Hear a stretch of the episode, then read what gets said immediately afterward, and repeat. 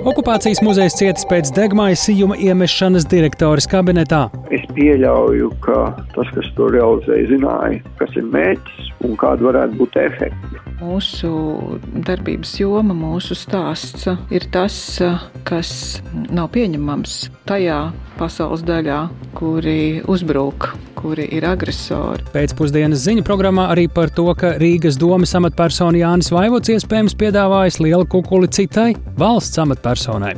Lieta nesot saistīta ar viņa amata pienākumiem pašvaldībā. Aleksēna Vaļnaja atraitne Jūlija uzrunājot Eiropas parlamentu Putinu nosauc par asiņainu monstru. Zināms arī, kad un kur notiks nobendētā opozīcijas līdera bēris. Par to visu plašāk raidījumā pēcpusdienu kopā ar mani Tāli Eipuru.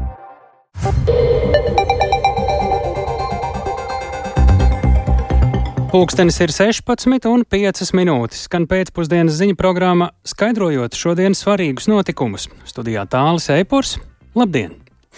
Naktī Latvijas okupācijas muzeja telpā iemests degmaisījums. Vienos naktī kāds cilvēks maskā ar āmuru izsītis muzeja direktoris Solvits Vības kabineta logu un iemetis tur tā saukto molotovu kokteili. Tā skaidro muzejā.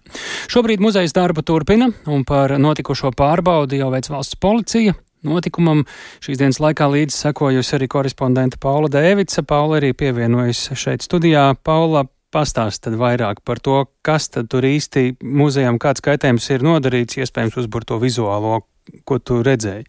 Jā, labdien! Um, Iejot muzeja telpās, sākotnēji par notikušo nekas daudz neliecina. Tas turpina darbu un vestibilā manī arī apmeklētājs, taču virzoties uz administrācijas kabineta pusi jūtam tāda specifiska deguma smaka. Un uh, par, uh, vizuāli par notikušo liecina viens pa, vien pats uh, direktors kabinets, kas ir pilnībā noklāts kvēpos, ir ļoti stipra smaka. Izsistiem logam šobrīd priekšā ir pielikta koka plāksne, un šķiet kabinetā visvairāk cietis ir krēsls, kas atradies pie darba galda, un no tā diezgan maz, kas ir palicis pāri. Uh, uzbrukuma brīdī muzejā atradās apsardzi, un uh, neviens uh, nav cietis, taču tūlīt pēc uh, notikuma muzejā ieradās arī darbinieki un atbildīgie dienesti. Un turpinājumā direktoris Solvitas Vības sacītais. Un mēs esam strādājuši līdz šim, kaut arī muzejam gan tādi, nu, teiksim, emocionāli, gan arī fiziski uzbrukumi ir bijuši. Mūsu darbības joma, mūsu stāsts ir tas, kas nav pieņemams tajā pasaules daļā, kuri uzbrūk, kuri ir agresori. Un, Es domāju, ka mēs esam uz to gatavi. Mums ir savi darbības nosacījumi, plāni arī krīzes situācijās. Kā jau Vība minēja, iepriekš ir bijuši uzbrukumi gan muzeja telpām Strelnieku laukumā, gan arī Stūra mājā, taču mu muzeja rīcībā šobrīd nav informācija, ka kāds no šiem uzbrucējiem būtu atrasts. Tomēr direktori uzskata, ka dienestu darbam būs rezultāts un vainīgais tiks atrasts tāli. Jā, nu ņemot vērā, ka pilsētas centrā ir daudz arī video novērošanas kameru, ņem redzam piemēru arī ar brīvības pieminekļa šo taktīlo maketu, tur ātri vien izdevās noķert vainīgos, bet šobrīd runājot par muzeju, tur kāds tad izskatās tas kopējais kaitējums, ja reiz tas izskatās pietiekami lokāls un ar krājumu viss ir kārtībā. Jā, muzejā uzsver, ka par fizisko kaitējumu pārdzīvojums ir samērā neliels, jo muzeja krājumam nav nodarīts kaitējums. Arī visi darbinieki ir sveiki un veseli, un līdz ar to darbs var turpināties.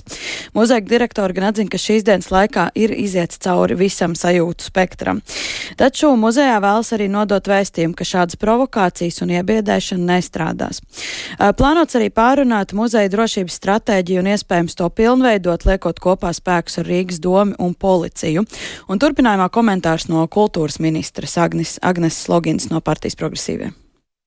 Valdības rīcības plānā katrā ziņā mēs esam ierakstījuši no mūsu puses apņemšanos stiprināt uh, atmiņas institūcijas tieši arī gatavojot tās uh, krīzes situācijām, jo muzejiem uh, ir jābūt gataviem, arhīviem ir jābūt gataviem nodrošināt jā, savu drošību. Un, un ir diezgan daudz lietas, kuras var proaktīvi izdarīt, lai šādām krīzes situācijām būtu gatavi.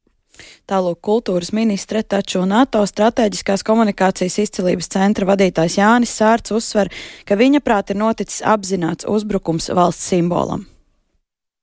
Es pieļauju, ka tas, kas to realizēja, zināja, kas ir mērķis un kāda varētu būt efekti. Manuprāt, ir nu, kaut kādā līdzība ar to, ko Igauni bija nesen konstatējuši par to personu grupu, kas bija arī veikuši dažādus šādus te sabotāžu un vandālismu aktus. Un, nu, vismaz Igauni vērtējumā tas bija, lai, nu, radītu bažas un bailes sabiedrībā. Sārds gan uzsver, ka šie pagaidām ir tikai novērojumi un šobrīd jāļauj dienestiem veikt savu darbu. Arī premjerministra un valsts prezidents izteikuši cerību, ka iekšliet dienesti atradīs vainīgo, un valsts policija ir tātad uzsākusi kriminālu procesu un par šādu nodarījumu draudz sots līdz desmit gadiem cietumā. Tāli. Šobrīd tad uh, policija, drošības iestādes nekādus komentārus pagaidām plašāk nav Pagaidām. izdarījis, no viņiem dabūt nesniedz. Pagaidām ne. Sakām paldies Paulai Dēvicai. Tātad atgādinām naktī Latvijas okupācijas muzeja telpā ap vieniem naktī ir iesviests eh, degmaisījums un muzeja direktors kabinetam ir nodarīti vērā ņemami postījumi, muzeja krājumi nav skārti. Bet par likuma pārkāpumiem raidījumu pēcpusdienu arī turpinām. Par liela kukuļa iespējamu piedāvāšanu kādai valsts amatpersonai Rīgas domas par satiksmi atbildīgā departamenta vadītāja Jāni Vaivodu amatā neatjaunos. Tā šodien paziņoja Rīgas domas vadība, reaģējot uz korupcijas novēršanas un apkarošanas biroja paziņojumu. Knaba apgalvo, ka izmeklēšana attiecībā uz vaivodu nav saistīta ar amata pienākumiem. Par ko un kam vaivods Kukula iespējams ir piedāvājis, tiesību sargājošās iestādes pagaidām precīzāk nekomentē. Lai gan pašvaldības vadība norāda, ka vaivodu iespējamie pārkāpumi nav saistīti ar darbu pašvaldībā, Kuluāros runā, ka iespējamais pārkāpums ar Rīgas pašvaldību tomēr ir saistīts. Turklāt trauksmes cēlējs, pēc kura informācijas knābi janvārī sāka kriminālu procesu, esot kāds Rīgas domas bijušais darbinieks. Tāda ir Latvijas radio rīcībā esoša neoficiāla informācija. Plašāk Viktora Demīdova ierakstā. Ārtelpas un mobilitātes departamenta vadītāja Jāņa Vaivoda mobilais telefons šodien ir ieslēgts, taču zvaniem viņš neatbild. Korupcijas apkarošanas un novēršanas birojas šodien paziņoja, ka Vaivods kādai valsts amatpersonai iespējams piedāvājis lielu kukuli. Mērķis, lai amatpersona pieņemtu Vaivodam labvēlīgu lēmumu. Knap pārstāvja Agita Antonāni norāda, ka divām krimināla procesā iesaistītām personām ir tiesības uz aizstāvību. Rīgas domas ārtelpas un mobilitātes departamenta direktora amata pienākumu izpildītājam uh, ir piemērota ar brīvības atņemšanu nesaistīti drošības līdzekļi. Tas nozīmē, ka šie drošības līdzekļi nav saistīti ar nedz ar brīvības atņemšanu, nedz arī tiesībām ieņemt uh, līdzšinējo amatu. Taču otrai personai, kas ir fiziskā persona, pašlaik tiek lemts par uh, drošības līdzekļu piemērošanu. Par cik lielām summām vispār ir runa? Miljoni, simtiem tūkstoši eiro. Izmeklēšanas interesēs mēs uh, nevaram šobrīd uh, atklāt, kāda ir uh, piedāvātā kukuļa summa. Izmeklēšana nav saistīta ar Rīgas domas ārtelpas un mobilitātes departamenta ikdienas darbību. Tātad tas ir saistīts ar kaut ko citu. Jā, tas iespējams ir saistīts ar pavisam kaut ko citu. Ar ko tas ir saistīts, Knap nekomentē, sakot, ka turpina iegūt pierādījumus. Rīgas domas vadība par vaivodu komentēt mutiski atteicās. Viņi atsūtīja rakstisku atbildi. Salīdzinot ar Knap komentāru, pašvaldībā apgalvo, ka vaivoda iespējamie pārkāpumi nav saistīti ar darbu pašvaldībā, taču departamenta vadītāja amatā vaivodu neatjaunos. Vai viņš darbu domē turpinās, vadība vēl lems. Turklāt, ja amatpersonu rīcībā pretlikumīgas darbības konstatēs, par tām būs jāatbild, uzsver mērs Vilnis Čirsis no jaunās vienotības. Pēc neoficiālas informācijas Vaivots Kukuli iespējams devis par lietām, kas ar Rīgas pašvaldību ir saistītas. Savukārt trauksmes cēlējs esot kāds domas bijušais darbinieks. Domas opozīcijas frakcija saskaņa un progresīvie uzskata, ka atbildība par notiekošo ir jāuzņemas mēram Vilnim Čirsim, turpina progresīvo līderis Mārtiņš Kosovičs. Es atgādināšu, ka ir aizturēta šobrīd Čirsim ļoti pietuvināta persona.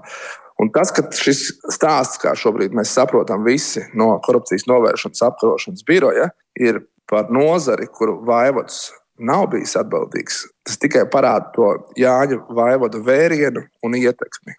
Mēs tomēr aicināsim arī ģenerālu prokuratūru un valsts kontroli veikt pārbaudes Jāņa vaivoda vadītajā departamentā par visiem šiem vērienīgiem infrastruktūras un ceļu projektiem, kas pēdējos trīs gados ir notikuši Rīgā. Sabiedrības par atklātību dēlna direktore Inese Tauriņa vaivoda iespējamo rīcību sauc par satraucošu tā tomēr ir satraucoša, jo nu, vai tiešām tad šis varētu būt izolēts gadījums. Knāba saka, ka ir izteikts kukuļa lielā apmērā piedāvājums citai valsts amatpersonai. Un tad ir rodas jautājums, nu kā tad Knāba uzzināja par šo gadījumu? Ja tas ir bijis tā, ka šī cita valsts amatpersona ir ziņojusi, Knabam, tad, protams, tas ir atkal apsveicama un nu, priecīga ziņa, jo ir tomēr godprātīgas amatpersonas, kuras nebaidoties no sekām ziņo iestādēm par nelikumīgām darbībām un tad, protams, vēršās. Lai gan skaidras informācijas par kukuļu apmēru nav, saskaņā ar likumu liels apmērs ir sākot no 50 minimālajām mēneša algām, jeb 35 tūkstošiem eiro. Viktors Demidovs, Latvijas radio. Tik tālu par Rīgas pašvaldību, tālāk par pašvaldībām reģionos. Talsu novada pašvaldību budžeta nedēļas risinās arī ar valsts aizdevumu. Tas varētu būt ap diviem miljoniem eiro vai vairāk. Pašvaldībai to saņemt šķēršļu nebūšot. Līdz ar to jaunus investīciju projektus šogad Talsi neuzņemsies un būs jāsagatavo sabalansēta budžeta plāns nākamajiem gadiem. Saimas deputāti turpinās sekot notikumiem Tāls novada domē un plašāk pašvaldību budžeta grūtības plānots pārspriest arī pie valsts prezidenta. Par to visu vairāk Jāņa Kīņš ierakstā. Šomēnes kļuva zināms, ka Talsu novada pašvaldības šā gada budžetā izdevumi par vairākiem miljoniem eiro pārsniedz ieņēmumus. Problēmas samilza, kad pašvaldības izdevumos par 5 miljoniem eiro pieauga darbinieku atlīdzībai nepieciešamā summa. Tas saistīts ar pagājušajā gadā apstiprināto pašvaldības darbinieku atalgojumu pieaugumu, kā arī amata vietu paplašināšanu par simtu darbiniekiem. Šim procesam vajadzēja būt lēzanākam, atzīst nesen amatā apstiprinātais Talsu novada domas priekšsēdētājs Andis Āboliņš no Latvijas zaļās partijas. Izdevumu samazināšanas skars gan pašvaldības darbiniekus, gan pārējos tāls novada iedzīvotājus pauda mērs, ieskicējot, no kādiem pasākumiem šogad nākas atteikties. Talsnota pašvaldība ik gadu nodrošinājusi iedzīvotājiem iespēju piesaistīt pašvaldības līdzfinansējumu dažādām aktivitātēm. Daudz dzīvokļu dzīvojamā pagalma labiekārtošanai, vēsturisko ēku atjaunošanai, uzņēmējdarbības attīstīšanai, energoefektivitātes pasākumu veikšanai, kultūras un turismu projektu idejām. Tāpat ir bijusi nodrošināta stipendiju piešķiršana jauniem speciālistiem pedagoģijā un ārstniecībā. Un līdz šim pašvaldība papildu valsts apmaksātajām brīvdienām nodrošinājusi pusdienu apmaksu 6 gadus veciem bērniem un 5-7 klašu skolēniem. Šogad vairāk šos atbalsta pasākumus nespēsim sniegt. Lai šos izdevumus nākamgad atkal varētu ieplānot, šogad paredzēts par 25% mazināt darbinieku skaitu pašvaldības iestādēs, kā arī mazināt algas, vienlaikus sekojot, lai pašvaldība varētu krīzes pārvarēšanas laikā nodrošināt savas pamatfunkcijas. Papildu palīdzība būs arī valsts piedāvātais budžeta un finanšu vadības kredīts. Tas varētu būt ap 2 miljoniem eiro vai lielāks, taču būs jāreķinās arī ar nosacījumiem, pauda Finanšu ministrijas pašvaldību finansiālās darbības uzraudzības un finansēšanas departamenta direktore Inta Komisija komisāre. Divi miljoni vai vairāk, protams, mēs resursus atradīsim, nav runa par to. Tas, ko mēs sakām visiem tiem, kas vēlās saņemt budžetu un finanšu vadību, tad, tad ir vajadzīgs šis plāns, kā sabalansēt 25. un 26. gadu. Ja šie izdevumi ir uzturēšanai, tad mēs rēķināmies ar to, ka šī summa plus vēl atdodamā summa ir, ir tas, kas ir svarīgi pašvaldībai samazināt. Šādu valsts kredītu plāno izmantot arī Balvu, Gulbens, Līvānu un Valkas novada pašvaldības. Problēmas ar funkciju izpildi ir arī tām pašvaldībām, kas spējušas nodrošināt sabalansētu budžetu un izteikt bez palīdzības kredīta. Sarežģījumi saistīti ar vairākiem faktoriem. Pirms trīs gadiem no 80 līdz 75% samazināja iedzīvotāju ienākumu nodokļu daļu pašvaldību budžetos. Šī samazinājuma kompensēšanai valsts piešķīra speciālu dotāciju, taču tā pašlaik ir sarukusi. Tajā pat laikā vietvaram šogad nākuši klāt jauni uzdevumi uzdevumu bez papildu finansējuma. Jānodrošina pašvaldības policija un atskurtuvju darbs. Tāpat arī bērnu ārpus ģimenes aprūpi ir uz pašvaldību pleciem. Strauji auguši arī procentu maksājumi par valsts kases izsniegtajiem aizdevumiem. Vienlaikus ir jautājums, vai pašvaldību budžeta izstrādes process ir pietiekami un pareizi uzraudzīts, par ko sēdē aizrunājās deputāts Māris Sprindžuks no apvienotā saraksta. Tomēr pašvaldību pāraudzība un satversmes ievērošana tajā, ka deputāti redz, vada budžetu, īsti nenotiek.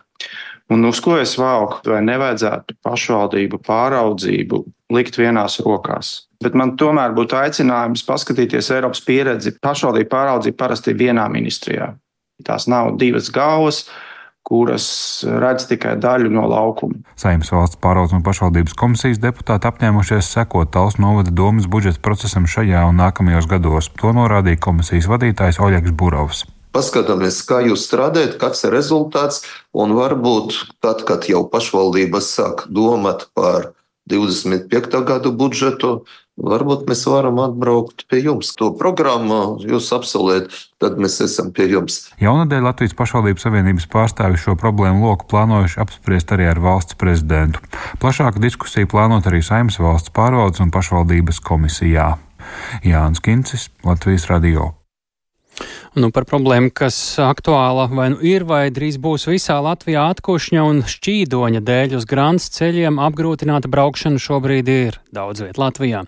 Sarežģītākā situācija pat laban ir vidzemē. Diennakts laikā arī dubultojies to ceļu posmu skaits, kuros noteikti transporta masas ierobežojumi. Latvijas valsts ceļa brīdina autobraucējiem jābūt uzmanīgiem. Plašāk stāsta Sandra Dieziņa. Šodien devāmies pārlūkot zemes ceļus Olainas un Iecavas novados, kur vairākiem ceļu posmiem noteikti masas un gabarītu ierobežojumi. Ceļu posmā Dalbe, Lejas Benūži ieviest transporta masas ierobežojums. Tas nozīmē, ka liekta pārvietošanās transportam, kas smagāks par 10 tonnām. Šis ceļš lielākoties gan ir apmierinošā stāvoklī, izņemot dažas vietas, kur ceļš bija izdangāts un dažviet bedrains. Savukārt uz Grānas ceļa nepilnas stundas attālumā no Rīgas pēternieki code jau ir krietni vien sliktāka aina. Kā man sacīja kāds autobraucējs, ceļš ir tāds, ka bez piecām minūtēm varam uz tā palikt. Novērojam, ka automašīnām ir grūti pārvietoties, jo ceļš ir izdangāts, dubļains, iebrauktas dziļas rises. Ko par to saka iedzīvotāji? Situācija uz sodas ceļa ir daudz sliktāka. Redzams, ka garām braucošās mašīnas cieš no šī stāvokļa. Ceļu kvalitāte mūsu apvidū pavasarī ir vienkārši briesmīga. Vieglās mašīnas brauc ļoti, ļoti intensīvi, bet uh, lielākās briesmas mums ir tās meža mašīnas. Jo meži te ir daudz uz priekšu un tiek izvesti baļķi. Paši saprotiet, ka šogad mēs esam priecīgi, ka ļoti agri ir uzlikta šī zīme, desmit tonu ierobežojums. Ceļi atbilstoši laika apstākļiem. Meža darba arī tiek jau ierobežota tagad, tā ka ceļi tiek vērts ciet un, un realizēt, no, norealizēt materiālu nav iespējams. Parasti jau vasarā ir normāli, tad nezinu, kā tagad. Latvijas valsts ceļa vēsta. Ja pirmdienas šķīdoņa dēļ transporta masas ierobežojumi ieviesti 469 grāmatas autoceļu posmos, tad otrdien to skaits sasniedz 725, bet šodien jau pārsniedz 800.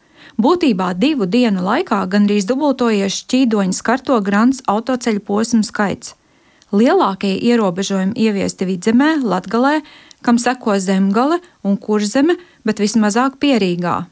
Par aktuālo situāciju stāsta Latvijas valsts ceļu pārstāve Anna Kononova. Mēs salīdzinām ar to, kā bija pirms divām dienām, tad šodien šo šķīdoņu skarto posmu skaits ir dubultojies. Jāreikinās ar to, ka grāns ceļi šī šķīdoņa laikā ir uh, grūti izbraucami, tie nav komfortabli un attiecīgi arī jārēķinās ar šiem transporta masas ierobežojumiem, kas nozīmē, ka transportam, kas ir smagāks par 10 tonnām, tiek liekta kustība pa ceļiem, kurus ir skāris šķīdonis. Arī uzturēšanas darbus šķīdoni laikā nav iespējams veikt, jo smagā tehnika, kas uzbrauc uz ceļa, kas ir pārmitrināts un zaudējis savu nespēju, uh, tā vēl vairāk var sabojāt šo ceļu. Latvijas valsts ceļu pārstāvis skaidro, ka ceļu uzturēšanas darbus šajos posmos varēs veikt vien tad, kad ceļi būs apžuvuši, un tad arī tiks noņemti transporta masas ierobežojumi. Šķīdoņa laikā arī netiek izsniegtas īpašās atļaujas, un kustība liekta visam smagajam transportam, izņemot operatīvo un sabiedrisko transportu, svaigpienu pārvadātājus un transportu, kas izved kritušos lopus. Sandra Dieziņa, Latvijas radio. Zināms, kad un kur notiks Aleksēna Navaļnija bēres, pirms tām viņa atraitne Eiropas parlamenta priekšā Putinu nosauc par asiņainu monstru. Un, lai iedzīvotāji Latvijā krietni palielinātu brīvā laika fiziskās aktivitātes, Tautas veselības sporta organizācijas aicina veselības ministru ieviest Somijas sistēmu. Par šiem un citiem tematiem raidījumā pēcpusdienā jau tuvākajās minūtēs.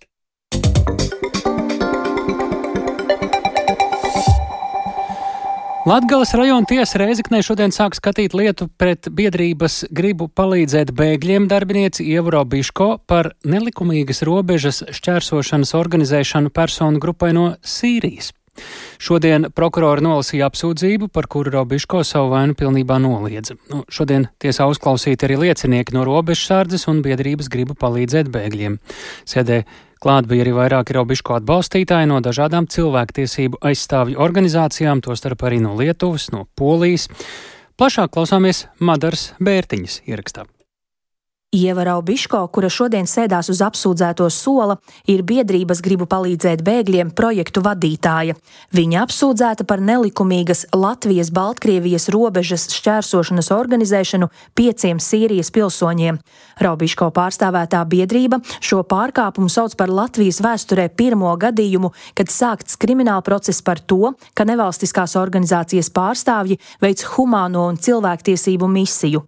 Apsūdzību Raubiško pilnībā pilnībā noliedz. Savu vainu neatzīst. Pilnībā neatzīst. Pilnībā neatzīst. Šodienas tiesas sēdē Rēzaknē tika uzklausīti seši liecinieki - gan biedrības gribu palīdzēt bēgļiem pārstāvji, gan trīs robežsargi, kuri pagājušā gada janvāra naktī devās uz notikuma vietu Krāslavas novada robežnieku pagasta Žurilovā. Tur robežsargi ieradušies vienlaikus ar biedrības gribu palīdzēt bēgļiem izsaukto ātro palīdzību. Pārdesmit metrus no Baltkrievijas robežas robežsargi un mediķi ieraudzījuši Ievu Raubiško, viņas kolēģi no biedrības Egilu Grasmani un piecus Sīrijas pilsoņus, četrus vīriešus un sievieti. Par to, ka sīrieši nelikumīgi šķērsojuši robežu, liecināja pēdas sniegā iekļuvuši Latvijas teritorijā pa caurumu, kas žoga izbūves laikā atstāts vaļā, lai pēcāk tur uzstādītu vārtus. Bēgļu grupa bijusi silti ģērbusies, taču par viņu veselības stāvokli robežsargu un biedrības domas dalās. Stāsta viens no robežsargiem. Viņas izskatījās eh, diezgan veseli, no viņa tēloja, ka viņam nepieciešamas palīdzība. Ātras palīdzība ekipāžu viņu atskatīja, viņi paši izgāja no mašīnas jau bez palīdzības. Divi no vīriešiem esot aizvest uz slimnīcu, lai veiktu papildu izmeklējumus un rentgenu kājas traumai.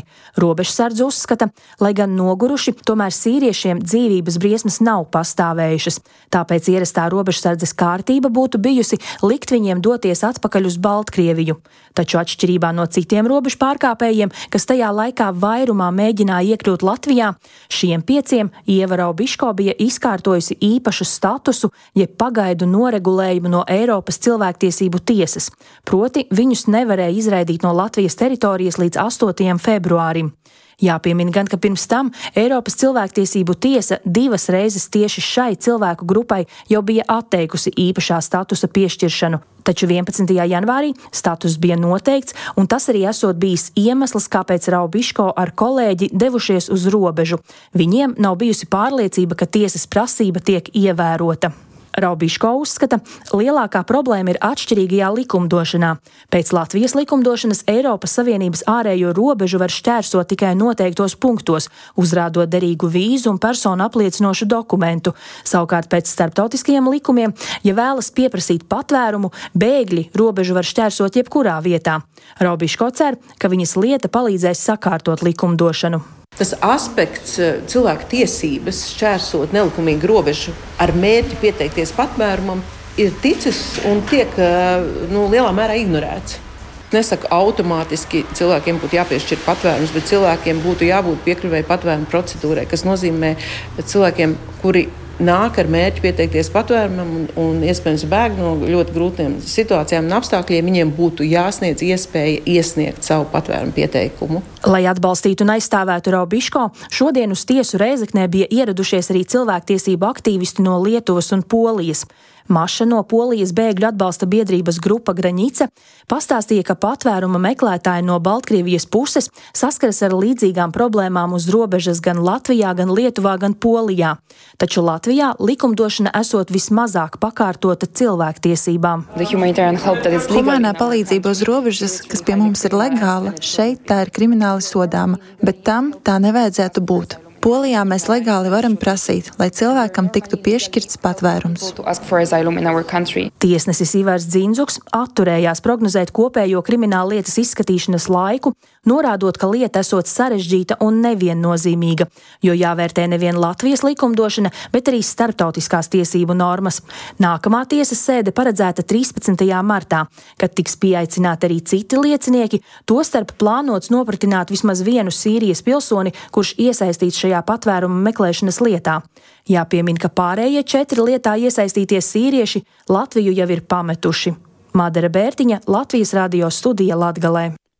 Par Eiropu un to, kas notiek uz austrumiem no Latvijas, arī turpinām. Eiropas parlamenta deputātus šodien uzrunāja nonāvētā opozīcijas Alekse, opozicionāra, Krievijas opozicionāra Aleksei Navaļnija sieva Jūlija. Savā uzrunā viņa norādīja, ka Eiropiešiem ir jāsadarbojas ar Krievijā dzīvojošiem iedzīvotājiem, lai palīdzētu tiem gāzt Putinu un iznīcināt brīvību.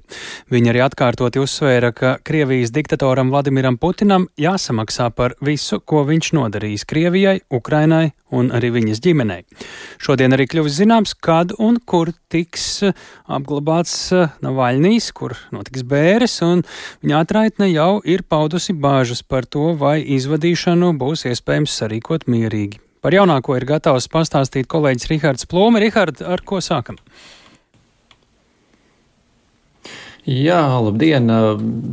Navaļnīs sieva publiski tie patiešām parādās eh, dažādās uzsvēršanās un tikšanās reizēs, kā nekā viņa tagad ir solījusi pārņemt savu vīru, iesāties par brīvu Krieviju. Un šodien viņi ieradās Strasbūrā, kā tu minēji, lai uzrunātu parlamenta deputātus. Un vēl pirms Navaļnijas uzstājā arī tika atskaņots īsts piemiņas video Navaļnijām, un viņa savā uzrunā runājot ar Putinu norādīja, ka Eiropai ir darīšana nevis ar politiķi, bet gan ar gangsteri, un viņa atkārtoti norādīja, ka Putinam ir jāatbild par visu, ko viņš ir izdarījis, un vērs uzmanību uz to, ka Eiropai viņa apstādināšanai, kas jau šobrīd ir Eiropai, kas jau šobrīd ir piekususi un nogurusi no kara, Putina apstādināšanai ar rezolūcijām un sankcijām vien nepietiks. Paklausīsimies, ko viņa teica. If you really want to defeat Putin, you have to become an innovator. Aleksējs bija izgudrotājs. Ja jūs patiešām vēlaties sakaut Putinu, jums jākļūst par izgudrotājiem. Jums jāpārstāj būt garlaicīgiem. Jūs nevarat Putinam nodarīt pāri ar vēl vienu rezolūciju vai vēl vienu sankciju kārtu. Jūs nevarat viņu sakaut, ja domājat, ka viņš tur savu vārdu. Viņam ir morāli un viņš pakļaujas noteikumiem. Jums nav darīšana ar politiķi, bet gan ar asiņainu gangsteri. Putinam ir jāatbild par to, ko viņš ir nodarījis manai valstī. Viņam ir jāatbild par to, ko viņš ir nodarījis kaimiņos esošajai mierīgajai valstī. Un viņam ir jāatbild par to, ko viņš ir nodarījis Aleksējam. Mans vīrs nekad neredzēs, kāda izskatīsies skaista Krievijas nākotne, bet mums tā ir jāredz un es darīšu visu, ko varu, lai viņa sapnis piepildītos.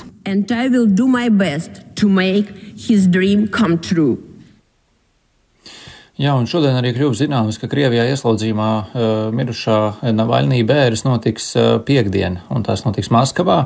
Atvada ceremonija plānota pulksten divos pēcpusdienā uh, Marijas Dievmātes ikonas uh, Remdēmanas skumjas baznīcā, un cilvēki ir aicināti ierasties laicīgi. Savukārt pašas bērnas notiks Maskavas Borisovas kapsētā.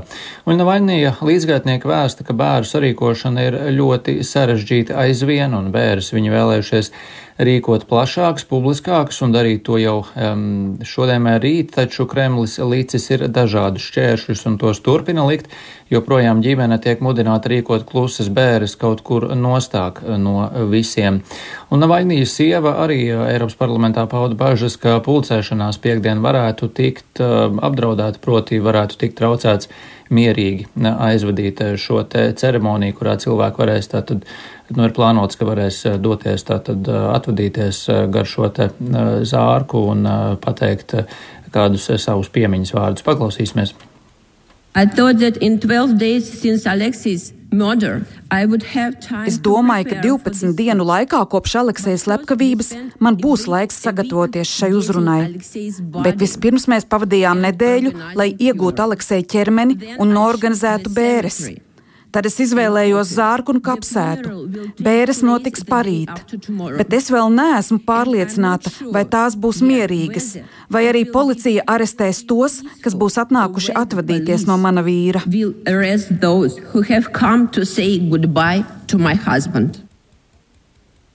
Jā, nu vērosim, kāda piekdiena būs drošības struktūra reakcija uz šo ceremoniju un cilvēku pulcēšanos. Katrā ziņā līdz šim esam novērojuši, ka jebkuras pulcēšanās pavada lielas drošībnieku rindas un tai vienmēr notiek arī aizturēšanas. Un nav izslēgts, ka Kremlis vēl līdz, šim, līdz šīm bērēm centīsies kaut kā traucēt šo bēru sarīkošanu, kā jau ticis norādīts, tad, tad šobrīd ir tiek īstenoti dažādi centieni to darīt. Sakām paldies Rihardam Plūmēm, tik tālu par Alekseju Navaļnija un viņa atraitnes eh, aktivitāti šobrīd, bet eh, turpinot eh, par svarīgām lietām tepat Latvijā. Valsts aizsardzības mācība no 1. septembra Latvijā būs obligāta visās vidējās izglītības iestādēs, bet daļā skolu to var apgūt jau šobrīd. Kādus izaicinājumus tā izglītības iestādēm ir sagādājusi līdz šim un kādi vēl gaidām tad, kad priekšmets būs obligāts jau visās skolās, par to šodien spried arī Saimas atbildīgajā komisijā. Par ko tad vēl amatpersonām, izglītības iestādēm, politiķiem jātiek skaidrībā līdz aizsardzības mācības ieviešanai jau visās eh, vidusskolās no jaunā mācību gada plašāk klausāmies Agnijas Lazdiņas ierakstā. Šajā mācību gadā valsts aizsardzības mācību brīvprātīgi īsteno 182 izglītības iestādēs, kur priekšmetu apgūst ap 9,5 tūkstoši jauniešu. Savukārt nākamajā mācību gadā paredz, ka tie būs jau aptuveni 28,5 tūkstoši. Pašreiz visi izaicinājumi, kas bijuši gan ar izglītības iestādēm, gan ar jauniešiem, esot ļoti konstruktīvi novērsti, bet vēl nesot pamata lielam optimismam. Tā valsts aizsardzības mācību norisi līdz šim vērtē Jaunsardzes centra direktors Pulkvedis Aivis Mirbachs iestādes, kuras tagad ir pieteikušās, un jaunieši. Visi ir uz brīvprātības principu. Līdz ar to, manuprāt, mums ir jābūt piesardzīgiem ar tiem datiem, jo, ja es kaut ko izvēlos brīvprātības mm -hmm. kārtībā, protams, ka man būs labāka attieksme pret to. Aptaujas ir uh, pārsteidzoši labas, bet es neberu cukuru pagaidām pār šo projektu. Kādu laiku ir izskanējušas bažas, vai būs iespējams nodrošināt instruktorus, kas mācības vadīs. Kā norāda Jaunsardzes centra direktors, šobrīd apmācīti 266 jauni jaunsargu instruktori, kuru skaits nedaudz palielināsies un kas jau ir spējīgi apmācīt jauniešus. Tomēr vēl vismaz trīs izaicinājumi paliek, un viens no tiem saistīts ar mācību slodzi. Aizsardzības ministrija ir vienojusies ar Izglītības un zinātnes ministriju, ka sākotnējo 144 stundu programmas vietā realizēs 112 stundu programmu, saglabājot visus valsts aizsardzības mācības moduļus, dažus tematus nododot īstenošanai citiem mācību priekšmetiem. Taču kā konkrēti mācības organizēs skolās, joprojām skaidrības nav. Proti valsts nav definējusi, vai aizsardzības mācību skolu programmās iekļaus uz citu mācību priekšmetu rēķina, vai arī palielinot skolēnu kopējo noslodzi. Ar mācību stundu plānu sakārtošanas un realizēšanas grūtībām ir saskārusies Viļānu vidusskola, kā stāsta skolas direktore Ilze Valeniece, jau kopš šī mācību gada sākuma desmito klašu skolēni vienu reizi mēnesī piekdienās apgūst valsts aizsardzības mācību. Tajā piekdienā, kad tiek ņemta valsts aizsardzības mācība, tad skolēniem vislabākais ir nodrošināt to visu dienu, kad viņi darbojas ar valsts aizsardzības mācību. Līdz ar to mācību stundas, kas bija paredzētas tādā dienā, piemēram, iepriekšējā nedēļā, tās stundas nevar notikt. Bet uh, mēs, protams, meklējām šīs alternatīvas, un tad šis stundu saraksts tiek izmētāts arī pa visu nedēļu. Tās piekdienas stundas, un attiecīgi vai nu tās ir nūtās stundas, vai nu tās ir atkal kaut kādas beidzamās stundas, kuras mēs tā kā pakārtojam tajā nedēļā. Šobrīd mēs šo te kompromisu esam atraduši. Tā tas arī notiek, un tie bērni piekdienās iet uz valsts aizsardzības mācību. Viņiem ļoti patīk. Lai valsts aizsardzības mācību ieviestu, šajā mācību gadā plānu pārskatījusi arī Rīgas valsts vācu ģimnāzija, kurā priekšmetu mācās visi desmitās klases skolēni. Skolas direktoras vietniece izglītības jomā Inga Riekstiņa skaidro, ka ģimnāzijā ir četras paralēlās desmitās klases, tāpēc skolēni sadalīti astoņās grupās un mācības notiek visiem vienlaikus. Es varētu teikt, ka sarežģījumi īstenībā nav tāpēc, ka Jansardas centrs ir ļoti atsaucīgs. Tāpat mūsu skolēni to uzņēma ļoti pozitīvi, un arī vecāki desmito klašu, tātad pie mums ierodoties, mēs uzņemam visus no jauna desmitā klasē, zināja, ka mēs to piedāvāsim, tātad tā bija arī viņu izvēle. Principā vienīgais izaicinājums ir, kā salikt stundu sarakstu, lai ievērotu visus normatīvos aktus par to, cik ir stundas nedēļā, dienā un tā tālāk. Tāpat izaicinājumi, ar ko skolas saskaroties, esot saistīti ar infrastruktūru, kā nodrošināt telpas, izveidot šautuves un daudz ko citu, kas ir nepieciešams, lai kvalitatīvi varētu nodrošināt mācības. Tāpat arī izaicinājums esot tas, kā vērtēs valsts aizsardzības mācību, vai skolēnam piešķirt ieskaitīts, neieskaitīts, vērtēt ar atzīmi vai arī citādāk. Latvijas izglītības vadītāja asociācijas prezidents un Siguldas valsts ģimnāzijas direktors Rudolfs Kalvāns uzsver, ka, lai viss izdotos, daudz sot atkarīgs no iestāžu vadītāju, skolu un pašvaldību attieksmes un arī vēlmes valsts aizsardzības mācību ieviest. Siguldas pašvaldība mēs vienojāmies. Paņemam visas četras skolas, kurās ir 10. un 12. klases. Visi tad desmitie pagājuši gadu obligāti visi piedalās šajā kursā, visi sadarbojas šajā gadījumā ar vidzemes pārvaldi, eh, jaunsardzes centra un ejam uz priekšu, negaidām septembri esam gatavi, izgrozam savus mācību plānus, bet izdarām, nu nav tur tas vēlns tik melns. Saimas izglītības, kultūras un zinātnes komisijā lemts līdz marta beigām risināt radušās neskaidrības saistībā ar valsts aizsardzības mācību un tad attiecīgi turpināt iesāktās diskusijas un darbu. Agnija Lazdiņa, Latvijas radio. Bet, lai runātu par iespējām krietni palielināt brīvā laika fizisko aktivitāšu īpatsvaru cilvēku ikdienā, Latvijas Tautas Veselības sporta organizācija pārstāvji šodien viesojās pie veselības ministra Osama Abu Meri no jaunās vienotības. Secināts, ka situācija ir būtiski jāmaina, un abas puses arī vienojās par darāmo. Tautas sporta pārstāvji aicina neizdomāt jaunu divriteni, bet ieviest Somijas piemēru, kas sevi jau pierādījis. Vairāk par šodienas tikšanos un tās rezultātiem to daļu ir gatavs pastāstīt kolēģis Mārtiņš Kļavinieks. Mārtiņ, cik tad daudz cilvēku Latvijā vispār savā brīvā laikā nodarbojas ar sportu? Kāds to ir saskaitījis, izmērījis, un ja ir kādas ziņas par to, tad kā mēs izskatāmies varbūt uz citu valstu fona? Jā, sveiks tālu un sveicināt radio klausītāji. Ir izmērījis un saskaitījis, proti Latvijā ir zems fiziski aktīvo iedzīvotāju skaits. Tikai 9% iedzīvotāji regulāri, no, regulāri nodarbojas ar sportu, un šie ir dati no 2022. Mm, gadā veikta Eirobarometra pētījuma. Savukārt veselīgo dzīves gadu skaits valstī, tā sauktā dzīvildze modernā terminoloģijā ir zemākā, zemākā visā Eiropas Savienībā - tikai 53,8 gadi. Tie ir Eurostat 2021. gada dati, un Eiropas Savienībā, vidēji šis rādītājs ir 63,6 gadi, kas ir par desmit gadiem lielāks, savukārt Zviedrijā pat 72 gadi. Nu, tā kā tie tie salīdzināmie dati. Tāli. Jā, Mārtiņa, ko tad rosina darīt tieši Tautas veselības sporta organizāciju pārstāvji? Mēs dzirdējām, piesaucam šo Somijas piemēru, tā skaitā. Jā, nu pirmkārt jau viņi vēlas, lai valdība un eh, ministrijas sadarbotos. Pirmkārt jau komunicēt viena ar otru par šo jautājumu, jo tālu atceries mēs par šo runājam arī janvāra beigās, kad bija sporta apakškomisijas sēde, un tur arī piedalījās divas ministrijas veselības un izglītības un zinātnes, kas atbild par sportu. Nu, tur varēja redzēt, ka komunikācija savā viņu starpā nenotiek. Nu, un tautas sporta pārstāvi piedāvā ieviest Somijas modeli, kur visas 12 valsts ministrijas vienojušās sadarboties un paredzējušas arī konkrēti soļi soļu plānu, kā to darīt, arī atvēlēt tam ir valsts nauda. Paklausīsimies Ginta Kuzņecova tautas sporta iniciatīvas līdzautora Latvijas veselības un fitnesa asociācijas valdes priekšsēdētāja teiktajā. Un mēs esam pavisam nesen atklājuši tādu ļoti jaudīgu konspektīvu dokumentu, kāds ir Somijas valdībai, kur ir minēts absolūti visas 12 ministrijas, kas darbojās Somijā, un katrai ministrijai ir uh, mērķis, darbības, KPI atvēlēts budžets tieši veselības eh, veicināšanai un, un eh, tautas sportam vai veselības sportam. Veselības ministrijas paspārnē ir veselīga uztura veicināšanas tāda kā darba grupa. Eh, izteicām vēlmi būt šajā grupā, piedalīties un veidot šo te partnerību, kā, kā mums, kā NVO sektors, kā tautas dažādu sporta veidu pārstāvji.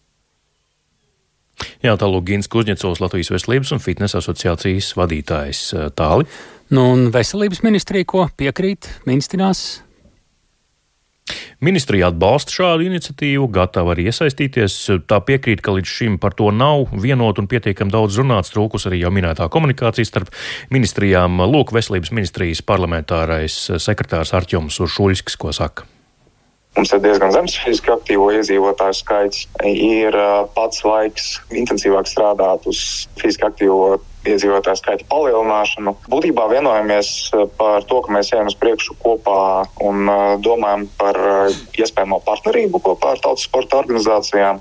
Strādāsim pie kopīgā sadarbības memoranda. No savas puses mēs vēlētos panākt arī izmaiņas politikas plānošanā. Nu, pirmkārt, jau fokusējoties uz konkrētām lietām, uz praktiskām darbībām, vairāk tieši, kad mēs rakstām politikas dokumentus. Bet arī ir jāatrod veids, kā mēs varam arī veselības sadaļu, veselīgu dzīvesveidu sadaļu ielikt arī citu ministriju plānošanas dokumentos un citu ministriju plānos. Un burtiski Jā, tālāk, desmit sekundēs, ko darīs Jā, tālāk? Tālāk tātad šis sadarbības memorands, bet nu, arī gaidāmā Nacionālās sporta padomas sēde, kur jau parādīsies tie tikai vārdi no politiķa puses, vai arī sekos darbi, jo skaidrs, ka arī naudu vajadzēs tam visam. Lielas paldies Mārtiņam Kļavniekam. Šīs bija ziņu raidījums pēcpusdiena. To veidojām mēs tālāk Eipors Lauris Zvejnieks, Kaspars Groskops, Iveta Zvejniece. Atgādinām, ka šo redzējumu var klausīties arī jums ērtā laikā un vietā, vai dalīties ar to, meklējiet dienas ziņas Latvijas radio mobilajā lietotnē, vai arī klausieties kā katru darba dienu pēc ziņām 4 un 5 minūtēs. Yeah.